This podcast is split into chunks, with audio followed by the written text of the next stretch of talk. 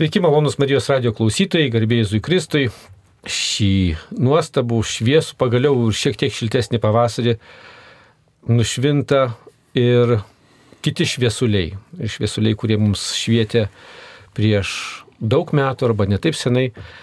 Ir šiandien mūsų laida bus skirta labai šviesios atminties kunigui, profesoriui, mecenatui ir šiaip labai įsimintinam žmogui, tai Jonui Juraičiui kaip tik šiomis dienomis, gegužės viduryje, būdavo švenčiamas jo žemiškasis gimtadienis, šiemet jam būtų su jai 97, o prieš 12 metų jis iškeliavo pas viešpatį. Ir turbūt tenai nešvenčia šito gimtadienio, bet jį prisimena. O mums proga šiemet jį prisiminti yra jo draugų, jo bičiulių, jo pažįstamų, ar tų, kurie buvo paliesti jo žodžio, jo kitokios pagalbos. Iniciatyva Vytauto didžiojo universiteto katalikų teologijos fakultete, atvirta auditorija jam skirta, atidengtas paveikslas. Ir tą progą Lietuvoje lankosi pirmą kartą Jono Juraičio įkurto fondo Lietuvių selovadai remti vadovai ar, ar tiesiog aktyvistai iš Šveicarijos. Tai to fondo valdybos pirmininkas kunigas Paolo Martonė ir taip pat fondo valdybos narys Tony Josen. Mes sveikiname su jais, o Kastantas Lukienas padės mums išversti ir susikalbėti. Labadiena. Labadiena. Na, o šią laidą pravesti paprašė manęs, Diekono Dariaus Kmeliausko, o aš negalėjau atsisakyti, nes profesorius Jonas Juraitis buvo taip pat ir šiek tiek ir mano mokytas, ir šiek tiek ir man dėstė. Ir ir tiesiog kaip žmogus ir kaip kunigas sįki prisilietęs prie tavo gyvenimo, jo tikrai negali užmiršti. Tai dėl to šiandien, malonus Marijos radijos klausytojai, man šis susitikimas su šiais dviem žmonėms taip pat yra ir pirmas, kaip ir jums. Ir dėl to pirmiausiai paprašysiu jų pristatyti ir šiek tiek labiau papasakoti ir tėvą Paulo, ir Tonį, kad jie papasakotų, na, kaip jie susiję su profesoriumi Juraičiu ir ir kas juos atvedė štai pirmą kartą į Lietuvą? Also ich habe Professor Juraitis, bei uns hat man ja nie von Pater Johannes gesprochen, sondern immer von Professor Juraitis. Kunigas Paulo, pradėdamas savo pasidalymą, pastebėjo, kad kai mes jau įvardinom jį tėvas kunigas Jonas ar kunigas Johannes, Tai sako, pas mus Šveicarijoje taip jau niekas nevadindavo, visuomet kreipdavomės į jį profesorius Juraitis. Taigi aš pirmą kartą su profesoriumi Juraičiu susitikau Šventosios dvasios kolegijoje 1976 metais, kai tenai man teko toje kolegijoje klausyti profesoriaus vedamo filosofijos kurso. Ir dar tiksliau pasakius, tai aš studijavau toj kolegijoje, bet tiesiogiai tuo metu, tuo metu man profesorius Juradis nedėstė, o dalykas tas, kad aš buvau toj, ten toj kolegijoje leidžiamo studentų laikraščio redaktorius ir kaip redaktorius aš susitikdavau su kunigu Juraičiu ir, ir mes su juo diskutuodavome teologinėmis temomis. Aš manau, kad visi, kas tik studijavo toje Šventosios dvasios kolegijoje, būtinai anksčiau ar vėliau susidurdavo, išgirzdavo apie profesorių Joną Juraitį, nes jis tarp visos profesūros buvo tikrai ypatingas profesorius. Ir tą jo ypatingumą sudarė jau tai, kad pavyzdžiui auditorija, kurioje jis dėstydavo tai būdavo labai jaukiai įrengta, būdavo gėlių ir tokia graži, jaukia atmosfera. Tačiau kunigo profesoriaus Juraičio dėstymo stilius jį galėčiau apibūdinti kaip tokį chaotišką, buvo labai nelengva sekti mintį ir tuo labiau užsirašyti ką nors. Tačiau dar vienas dalykas, kuris labai yra svarbus, kalbant apie jį, yra tai, kad jo nuostata studentų atžvilgių buvo tokio labai rimto lygiavertiško santykio nuostata. Aš pirmą kartą, ta mano pirmoji pažintis buvo tuomet, kai man buvo gal 15-16 metų ir man įspūdį padarė tai, kad profesorius Juraitis tuo metu kreipdavosi į mane jūs. Ir štai aš, būdamas tokio, na, jaunesnio amžiaus, netgi prašiau jo, kreipiausi, sakau, profesoriau, jūs e, paprasčiau vadinkit mane tu, tu inkit mane. Tačiau jis sakydavo, kad ne, kai tik tai jau tokie žmog, tokie jau, jau vaikino veide, pirmieji ūsai prasikala, jau reikia dera jį jūs kreiptis. Tačiau noriu pabrėžti, kad jausdavosi mūsų pokalbėse su juo, aš jausdavau, kad esu vertinamas ir labai kaip asmuo gerbiamas. Ir mūsų tuose pokalbiuose apie teologiją buvo įdomu tai, kad kažkaip kildavo e, tokios spontaniškai, jis išsakydavo tokių naujų idėjų, naujų minčių, kelių, apie kuriuos aš anksčiau e, nebūdavau nei pagalvojęs. O aš, kaip jau minėjau, buvau tokių e, teologinių temų redaktorius tame minėtame kolegijos laikraštyje.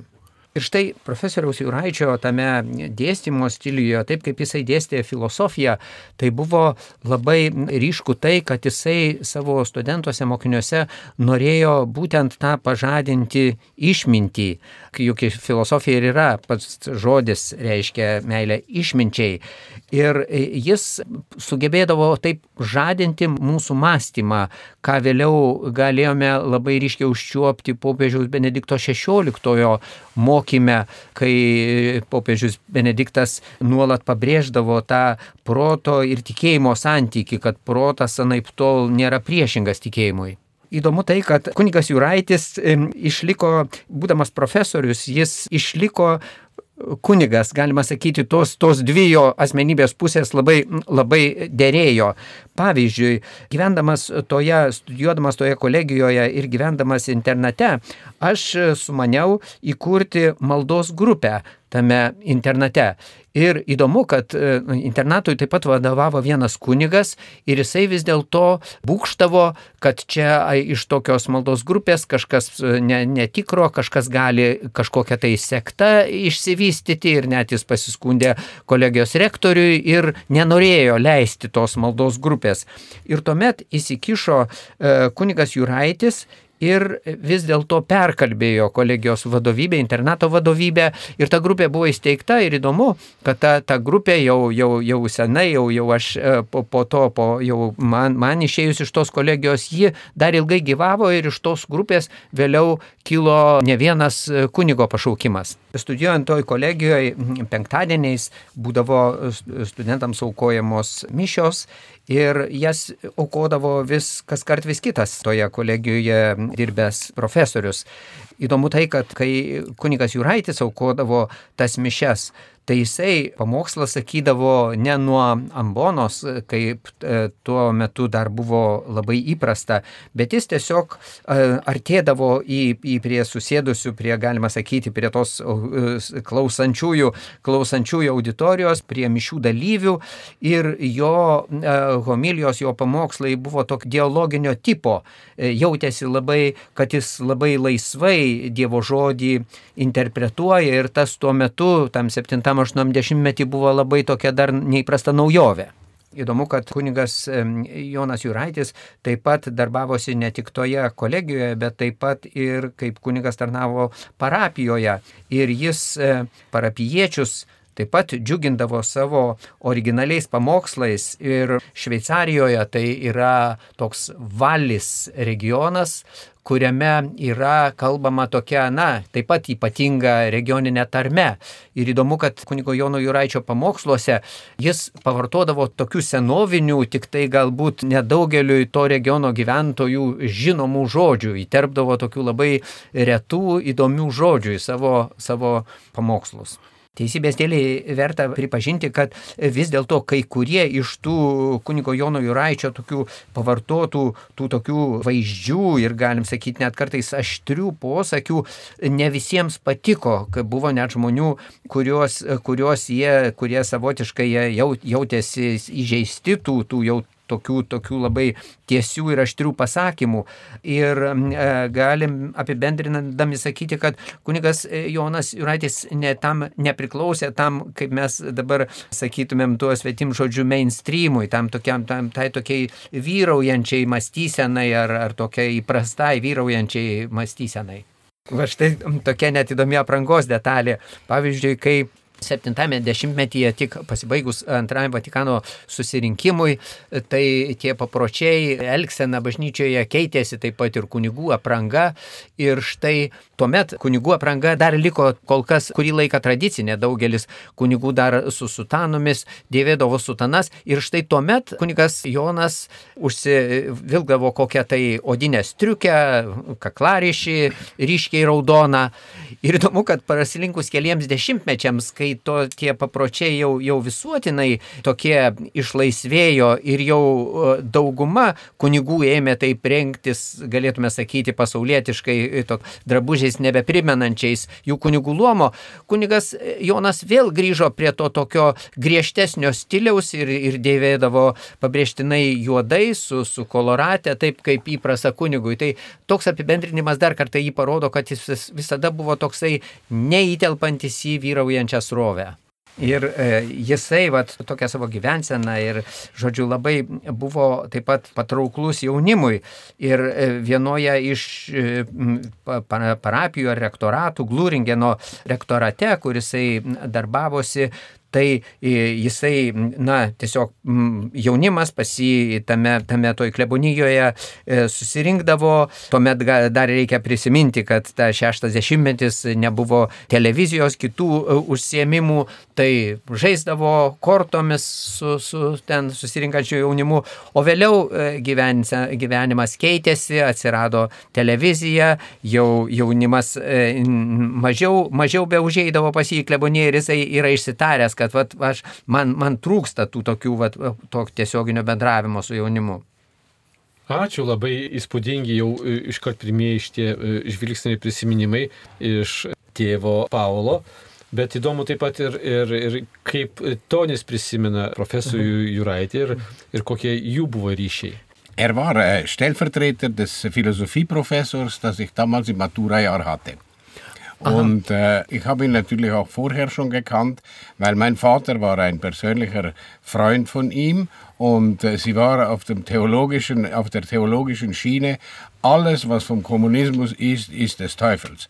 Und Und das hat dem, dem äh, Professor Uraitis natürlich sehr gut gefallen.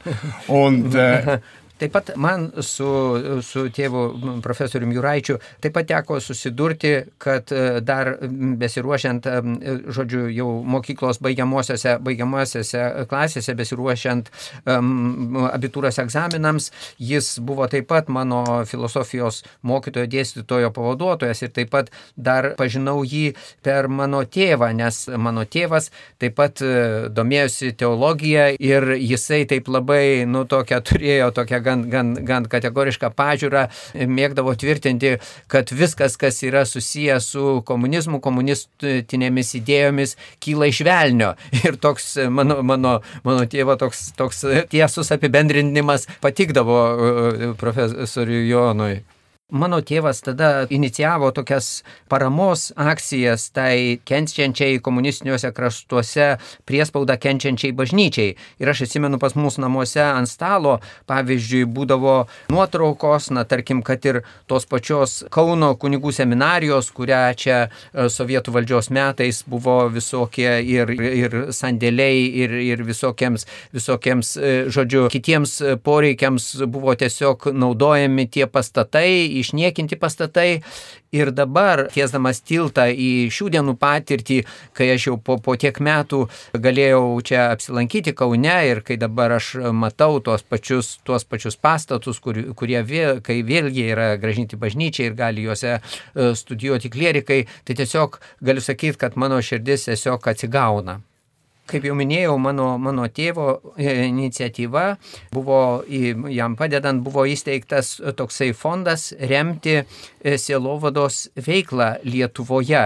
Ir, ir dar to fondo, dar, dar jis, taip sakant, tėvas tame fonde rūpindavosi lėšų telkimu ir galima sakyti, kad dar tam fondui, bekuriant tą fondą, jau e, profesorius e, Juraitis rūpinosi būdais, kaip finansuoti čia tą sielovados veiklą Lietuvoje. Ir man, tėvas man net mano nuomonės nepasiklausęs, kadangi aš studijavau ekonomiką, tai jis e, įmonių vadyba, tai tėvas e, manęs net nepasiklausęs man pasakė, kad vat dabar jau tu perimsi to fondo finansinių reikalų tvarkymą. Ir štai mūsų, man jau tapus to, to fondo administratorium, dar atsimenu mūsų tie pirmieji tie bankiniai pervedimai, kuriuos mes vykdėme, tai buvo dar litais, ne eurais. Ir mm, e, vis tuomet stebėdavausi, anuo metu e, profesorius Juraitis buvo to, e, galim sakyti, dvasios, dvasios vadovas to fondo ir mes stebėdavomės to fondo valdybos nariai, kokius plačius ryšius jis čia Lietuvoje puoselėja apie tai, ką sakė kunigas Paulo, tai aš tikrai po visko galiu pasirašyti, tikrai galiu patvirtinti tai, ką minėjo kunigas Paulo.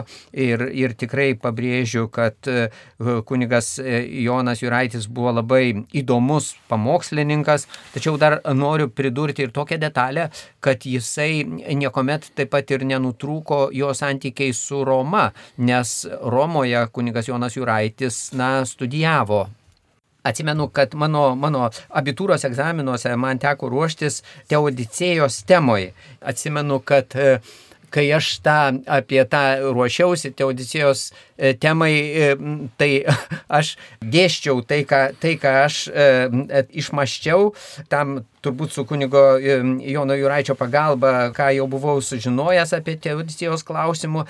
Ir mano dėstymo metu tam manęs klausiusiam profesoriui nuolat taip vis raudo ausis, kažkas matyti jam nelabai ne patiko, o, o kunigas e, Juraitis, profesorius Juraitis, į mano, man kalbant, jis, jis buvo pavaduojantis dėstytojas, jis e, pritariamai linksėjo. Ir, ir, ir man pabaigus e, savo tą dėstymą, kunigas Jonas taip juokaudamas pasakė, na dabar išdėstėjai, tai dabar turi eiti Velykinės išpažinties. Ir aš jau iš profesoriaus reakcijos, aš maniau, kad iš to tiesioginio e, mano, mano dėstytojo reakcijos, aš maniau, kad jau nepraeis mano tas, mano tas atsakymas, bet e, Juraitis vis dėlto tikrai, Juraičiui tas mano, mano atsakymas patiko. Dar po kurio tai praslinkus tam tikram laikui aš jau tarnavau Romoje, o kunigas Jonas Juraitis tuo metu atvyko Šventojo Kazimiero Romos lietuvių kolegijoje. Beje, noriu pažymėti, kad jisai taip pat labai daug finansiškai prisidėjo prie popiežiškosios lietuvių kolegijos veiklos.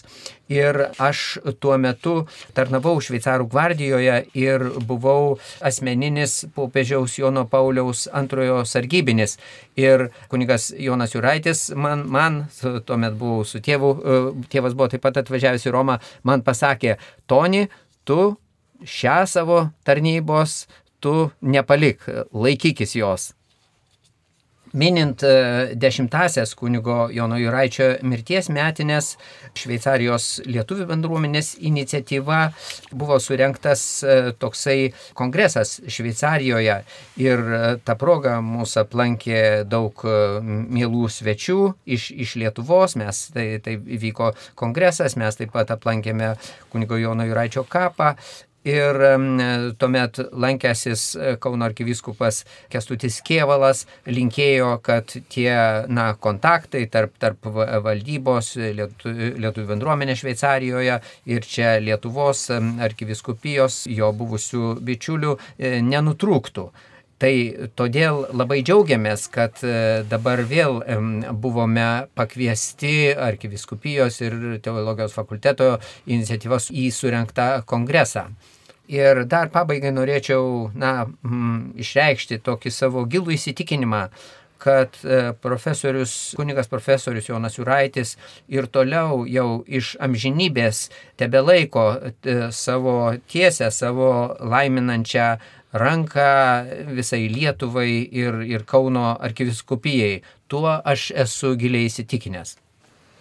O taip, e, ačiū Jums labai už, už tuos pristatymus aš manau, kad tikrai mes jaučiam tą tėvo Juraičio buvimą su mumis, tiesą sakant, kaip ir jam gyvam esant, kai jis palaikydavo ir labai žmogiškai, ir, ir labai medžiagiškai. Jis rasdavo progą tikrai palaikyti bent jau aš atsimenu jaunus studentus, kaip sakė Paulo, jo žvilgsnis tikrai buvo su tokia pagarba, kad šalia to profesoriaus jautėsi tikrai nemažiau pagarbus kaip ir jis. Ir mūsų toj postsovietinėje aplinkoje buvo tai visiškai nauja, kad, kad šitaip profesoriai gali gerbti studentus.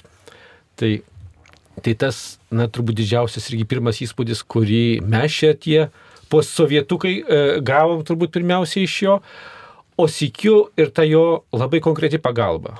Aš niekada neužmiršiu, kaip fakulteto rūmai tuomet buvo prie, prie fontano jo paskaitos Laisvės alėjai ir gatvėje jis įsitraukė piniginę. Tiesa, dar net litų nebuvo tais laikais, buvo ten tokie talonai, kuriuos vadinam žvėriukais, pereinamas pinigas iš sovietinio į lietuvišką litą. Jisai įsitraukė ir sako, va, ten yra kioskelis, sunaik, nupirk daug bananų ir jūs pasidalinkite studentai. Nu, didžiulį maišą bananų, mums tuo laiku tai buvo tiesiog irgi, na, beveik, beveik toksai stebuklas gauti studentams. Na, mes čia iš karto prisiminam taip labai iš savo pozicijų, kas iš Šveicarijos, kas iš Lietuvos, tą prisiminimą apie tą tėvo Jono, profesoriaus Juraičio e, šviesą, kuri mus nušvietė.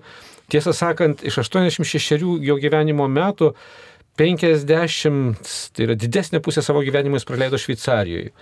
Lietuvoje, na, praleido, galim sakyti, vaikystę, jaunystės e, pirmais seminarijos metais užėjus karui traukėsi į Vokietiją, paskui studijavo Romoje ir, ir štai visą gyvenimą Šveicarijoje.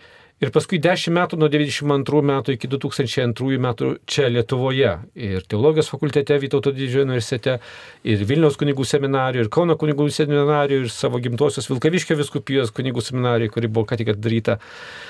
Na ir jūs irgi vat, prisiminėt tą seminariją, kurią rėmė irgi ir jūsų tėvai, ir, ir, ir tėvas Jonas to rūpinosi.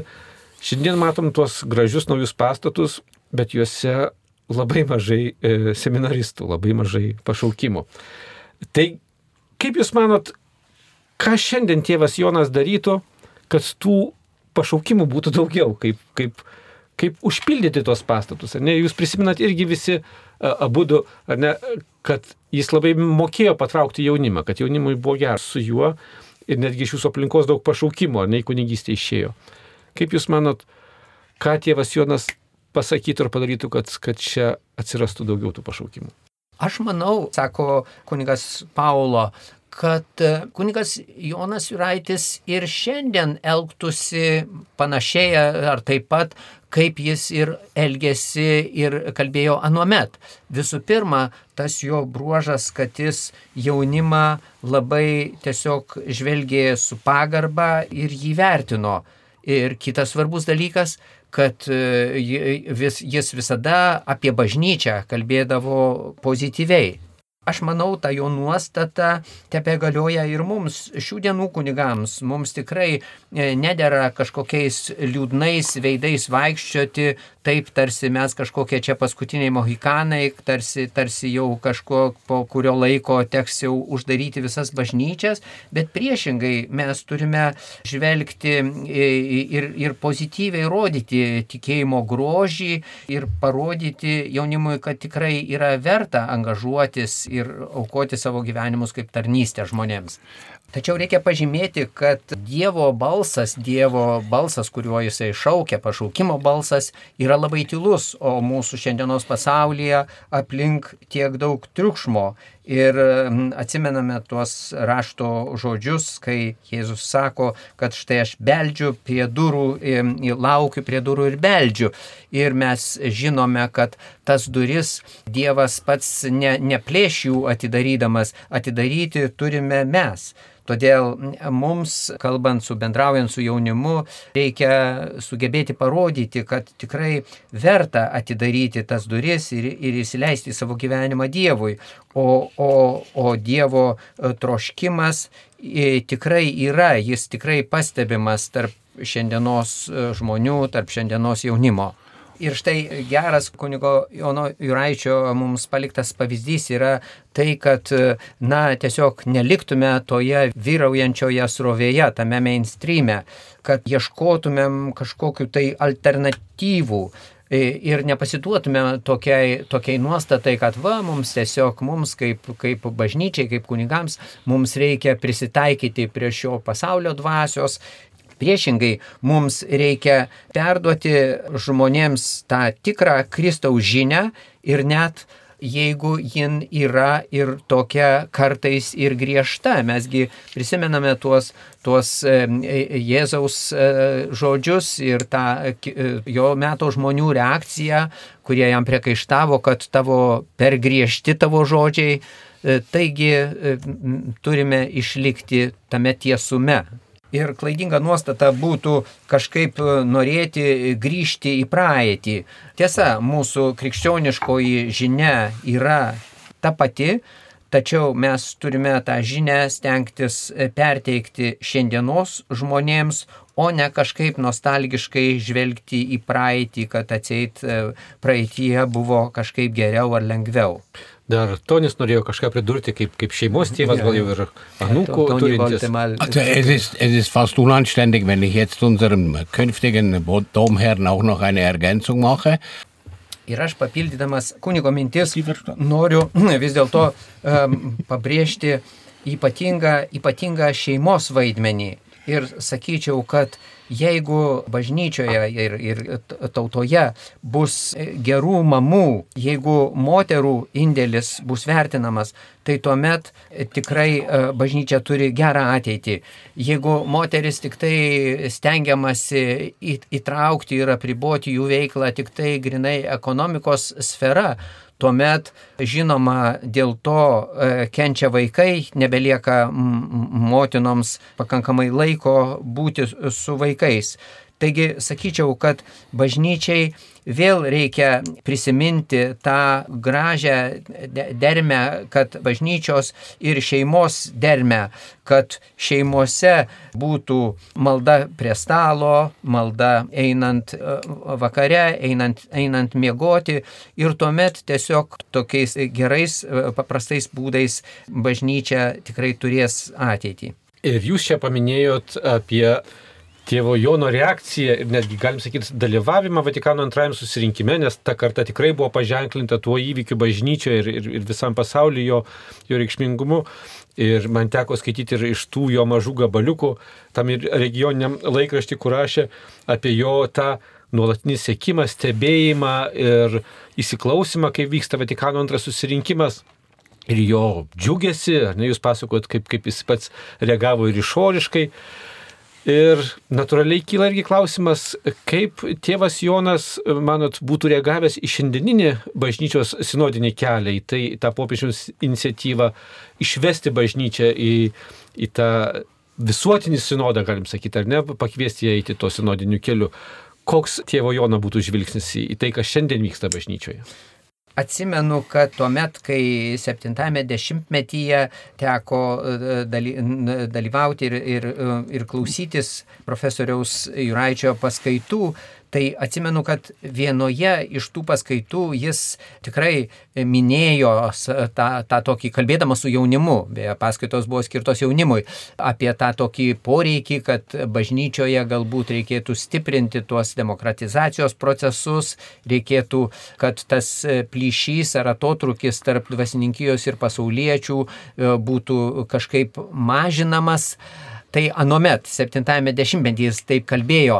Nesu visai tikras, ar ir dabar jis taip pat e, sakytų, nepasirašyčiau po to teiginiu, bet viena man atrodo tikra, kad bent jau kaip tas sinodinis e, procesas traktuojamas kai kuriuose e, šalyse, tai profesoriui Jonui Juraičiui nebūtų patikę. Žinoma, aš, e, kunigas Paulo sako, aš, aš žinoma, taip pat pritariu ir pripažįstu ir, ir tą, ir profesorius Juraitis nuolat pabrėždavo, kad reikia atnaujinimo bažnyčioje. Tačiau vėlgi, e, ką jau paminėjau, kad kai kuriuose šalyse tie bandymai, sinodo vardu daromi bandymai, e, at, bažnyčios atnaujinimo bandymai yra nukreipiami jau tiesiogiai prieš popiežiaus pranciškaus valią ir e, bandoma keisti tokius pamatinius bažnyčios mokymo dalykus. Tai aš sakyčiau, kad tokiam, tokiai eigai tai tikrai kunigas profesorius Juraitis tikrai e, nepritartų. Na, bet čia turbūt ne Šveicarijos bažnyčios situacija, čia labiau kaiminės Vokietijos, jūs turite meni, Šveicarijoje turbūt kitaip vyksta procesai. Sako, aš į, tai, į tą pastabą dėl, ar tai e, liečia Vokietiją, sako, aš taip tiesiogiai neįvardinau, bet aš ne, neprieštarauju tam, ką jūs sakote. O Toni priduria, kad, kad tikrai kunigo Juraičio nuostata tokių, na, aiškių nukrypimų atžvilgių tai buvo ir būdavo e, labai tiesi ir jis tiesiog taip tiesiai įvardydavo, kad tai neteisinga, tai yra neteisingas, melagingas kelias.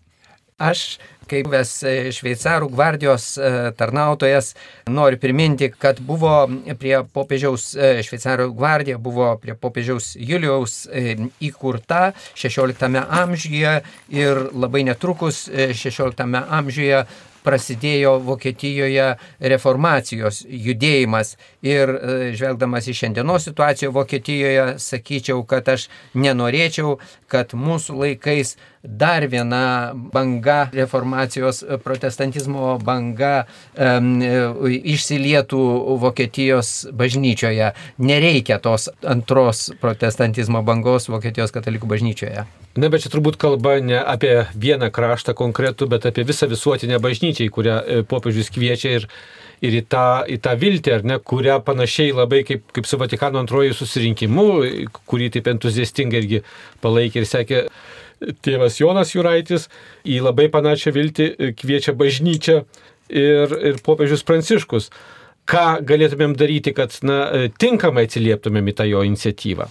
Atsakydamas jūsų klausimą, noriu tiesiog priminti, kad turime e, nepasiduoti idėjai, kad bažnyčia yra tokia, na, tokia vieta ar toks sambūris, kuriame tiesiog visi norime gerai jaustis.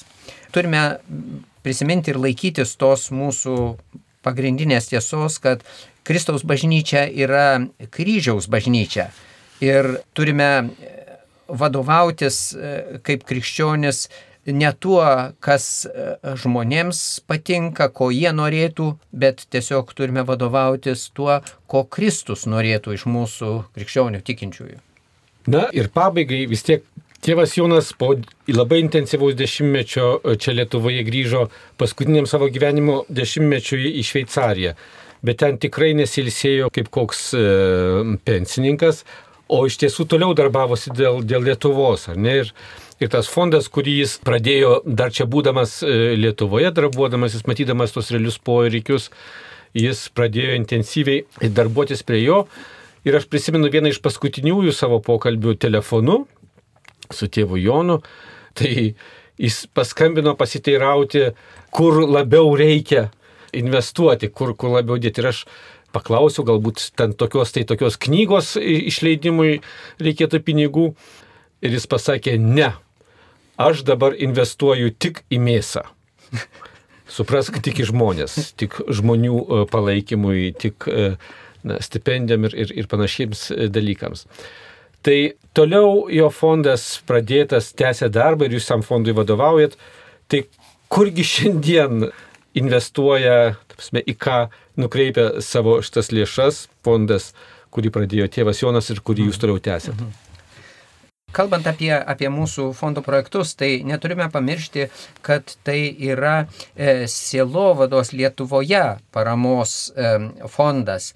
Ir e, sielovada tai yra vėlgi e, rėmimas e, tų e, žmonių besidarbuojančių sielovadoje, kaip vaizdžiai tų žmonių arba tos, kaip kunigo Jono žodžiais, vaizdžiais tos mėsos e, e, žmonių besidarbuojančių tose institucijose rėmimas. Taip pat tų e, sielovados institucijų rėmimas, reikalingos infrastruktūros finansavimas, kad jos galėtų veikti veikti, bet visą tai e, galime apibendrinti žodžiu sielovados, sielovada, sielovados projektai. Vėlgi, grįžtant prie pačios savokos e, sielovada, tai galima tiesiog prisiminti, pagalvoti, kad sielovada yra labai plati savoka. Mes galime kalbėti apie parapijos sielovadą, apie, apie sielovadą mokykloje, sielovadą viskupijos lygmenių. Na, bet štai, tarkim, Šveicarijos pavyzdžių mes pastebime, kad na, mokyklose vyksta vis nuolatinis toksai e, procesas, kad vis mažiau santykio su bažnyčia, su, su tikybos religijos mokymų dėstymu vis mažiau valandų lieka. Dar tebėra viena savaitinė religijos ar tikybos pamoka mokykl, Šveicarijos mokyklose, tačiau pavyzdžiui jau pamaldų nebelieka, kas, kas buvo anksčiau. Tai sakyčiau, kad šis rytis darbas su jaunimu, selovadinis darbas su jaunimu yra prioritetas, nes praradus jaunimą tikrai, tikrai bažnyčiai, bažnyčiai būtų didžiulis nuostolis. Mes šiandien aplankėme Jėzuitų bažnyčią Kaune ir, ir taip pat matėme, kaip tik buvo pertrauka ir mokiniai ėjo per bažnyčios patalpas, ėjo matyti į, į kitas pamokas ir matėme, kaip jaunuoliai praeidami pro altorių pagarbiai nusilenkdavo ir tiesiog e, kilo tokia mintis, kad gal čia dėl mūsų svečių, taip e, tokiu pagarbiu gestu jie išreiškia e, savo, savo nuostatą, tačiau noriu tuo tikrai pasidžiaugti ir sakyčiau, kad jeigu mes tokį jaunimo tokią nuostatą, pagarbę nuostatą, čia žinoma kalbama ne tik apie vien tokį išorinį ženklą, bet jeigu mums pavyktų išlaikyti tą tokį jaunimo nuostatą e, religijos atžvilgių, tai būtų laimėjimas.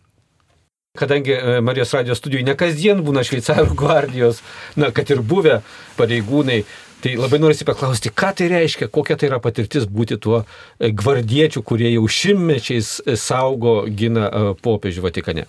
Šveicarų gvardiečių būrys, turime prisiminti, kad tai yra apsaugos būrys, o ne koks nors kitų tikslų sukurtas karinis dalinys. Ir darbas šveicarų, šveicarų gvardiečio darbas yra 24 valandas per dieną. Mes atsakome už popiežiaus gyvybę. Ir tai yra pabrėžiama šveicarų gvardiečio priesaikoje, kad jis, kiekvienas šveicarų gvardietis, pradėdamas savo tarnybą, prisiekia net savo gyvybę paukoti, gindamas, saugodamas popiežiaus gyvybę. Antroji Šveicarijos gvardiečių funkcija tai yra garbės korpusas.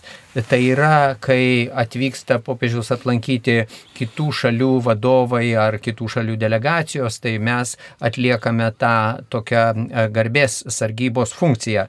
O trečioji Šveicarijos gvardiečių funkcija, kad mes esame tarsi pasienio tarnybą, užtikrindami tą Vatikano autonomiją Italijos atžvilgiu. Na kągi, ačiū labai. Būtų įdomu irgi pasakot, e, turbūt ištraukti iš jūsų pasakojimus apie visokius nuotikius, kuriuos jūs patyrėt, bet palikim gal tam kitam kartui. Šiandien apie kunigą, profesorių, na, geradarį ir šiaip tikrai Lietuvo šviesuolį, kuris palėtė visus tuos, kurie su juo susitiko, bet taip pat jo šviesa dar tęsia spindėti ir šildyti kitus ir po jo mirties, tai yra po kunigo Jono Juraičio atminimui mus sugražino, galbūt kitiems iš naujo parodė, koks tai buvo šviesulys. Tėvas Paulo Martonė, lietuvių salovadai remti fondo vadovas, taip pat to fondo valdybos narys Tonis Josenas, kurie lankosi čia šiomis dienomis Lietuvoje, minint ir profesoriaus gimtadienį, taip pat minint na, tokia ir auditorijos katalikų teologijos fakultete atidarimą ir, ir jo paveikslo pristatymą ir tą progą surinktą konferenciją. Ačiū Jums labai, ačiū už tai, kad Jūs tęsėt tą jo darbą, tėvo Jono darbą žmonės gerbti, pirmiausiai tikrai rodyti jiems visišką pagarbą ir sielai jų, ir kūnui, ir remti, ir medžiagiškai, ir, ir dvasiškai. Ačiū, kad tai darote, darykite ir toliau, o tėvas Jonas mus te užtarė iš dangaus. Aš dėkoju Kastantui Lukienui, kuris mums padėjo suprasti, ką jisai pasakoja Dėkoju ir Virginijai Malinauskinai, kurie juos palydėjo ir, ir lydi čia Lietuvoje. Ir atsisveikinu su jumis aš, Jakonas Darius Kmeliauskas. Likite laimingi su Dievu.